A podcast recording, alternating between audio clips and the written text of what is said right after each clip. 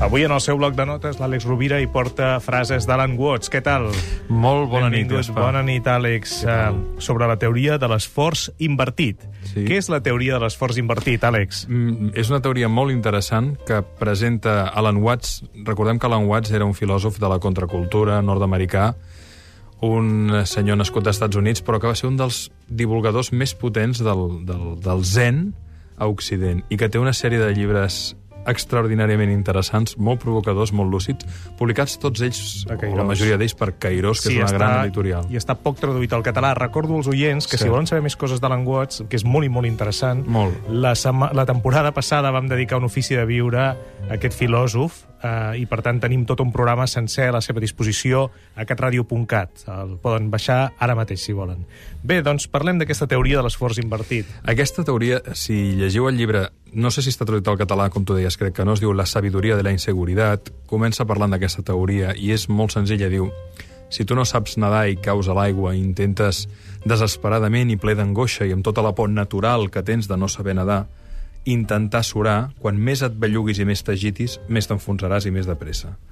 La teoria de l'esforç invertit, diu Alan Watts, consisteix senzillament en relaxar-te, en pensar que, que si estàs tranquil i omples els, els pulmons d'aire, això et farà surar i no t'ofegaràs, no? Ja, sí, sí, això, això és molt zen, dit, sí. això és molt zen, tot s'ha de sí, dir. Sí, és un extrem, sí, sí. És un extrem, però el que és interessant és, és com una provocació, no? És a dir, el que ens ve dient al fons aquesta teoria és... I més, jo el tornava a llegir perquè, perquè estem en, en temps d'incertesa i de molts canvis i, i, de fet, sempre hem viscut amb l'incertesa el que un diria que en els darrers anys ens havíem, havíem arribat a viure amb, la, amb una falsa certesa, no?, de que el creixement econòmic seria sostingut i tal, i això és mentida, sempre ho ha estat. No sabem què ens passarà d'aquí mitja hora ni d'aquí mig minut, però Alan Watts ens recorda que moltes vegades sí que és cert que ens hem d'esforçar per aconseguir coses i per fer-les, i aquí hem parlat molt de l'esforç com un valor instrumental, no tant com un valor final. El valor final no és esforçar-se, és aconseguir que les coses es facin. Però ell diu, de vegades perquè les coses surtin bé, hem d'acceptar el que hi ha, hem d'acceptar... És a dir, no, no podem aturar el riu, no podem frenar allò que és natural, i de vegades la millor manera de fer que les coses, de, de fer que les coses sorgeixin és asserenar-se i fer aquesta teoria de l'esforç invertit. És a dir, deixa d'empènyer el riu, deixa d'intentar canviar allò que no pots canviar. Crec que hem de tenir, els éssers humans, la consciència que diu aquell aforisme, no? tenir la, la força per poder canviar allò que hem de canviar. La serenitat per acceptar allò que no podem canviar, aquí estaria la teoria de l'esforç invertit, i la lucidesa per poder dirimir què és el que podem canviar i el que no podem canviar. I sempre insisteix l'Àlex Rovira que això no vol dir resignació. Clar, aquella frase de Balzac que la resignació és el suïcidi quotidià que tant ens agrada, no? No, en absolut. Senzillament, la teoria de l'esforç invertit passa per la consciència, no per la resignació. És a dir, si jo sóc conscient de que amb això no puc, ho accepto, ho incorporo, um, i això em permetrà enfrontar-me a la situació d'una manera diferent, no? I penso que la metàfora visual que ell utilitza del fet de, de, re, de remoure's molt i no voler-se ofegar, que fa que... O, o, o en els llots aquests que, que es belluguen i que et van enfonsant cada cop més, és sabut que quan més et bellugues més fàcil t'enfonses. En canvi, si estàs quiet, doncs pots surar més estona. No?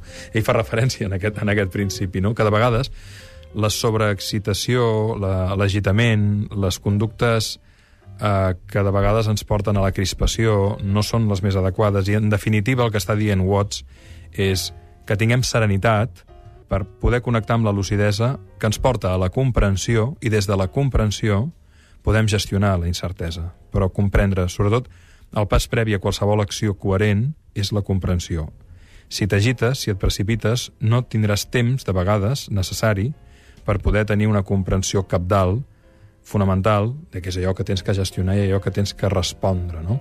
Per tant, la teoria de l'esforç invertit no és un crit a la inconsciència, ens tot el contrari, és un crit a la consciència i a la responsabilitat. No? De vegades, si tu amb un fill teu vols que estudi i t'emprenyes i el crides, no, vull dir, potser t'has de serenar i dedicar un temps a parlar amb ell, no? I entendre què és el que li està passant. Potser en darrere d'aquesta evasió de l'estudi hi ha una demanda inconscient d'atenció teva. Senzillament, el problema no està en l'estudi, està en que, tu no, en que tu, com a pare, no hi ets present, o no parles amb ell, o no li manifestes afecte i tendresa, i per tant, com no li manifestes, diu, molt bé, doncs em rebotaré i així, si més no, em mirarà, estarà per mi, o rebré una clatellada, que més m'estimo que em foti una bufa que no que m'ignori, no? Perquè almenys és una manera que tinc de que el meu pare o la meva mare em toquin.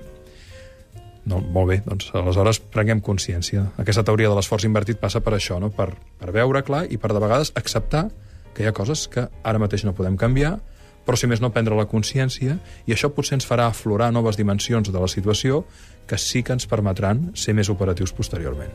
Àlex Rovira, com cada divendres a l'Ofici de Viure de Catalunya Ràdio. Àlex, moltes gràcies. Gràcies a tu, Gaspar. Molt bon cap de setmana. Molt bon cap de Bona setmana nit. a tots. Una abraçada a tots. Els oients també, moltes gràcies. Fins dilluns.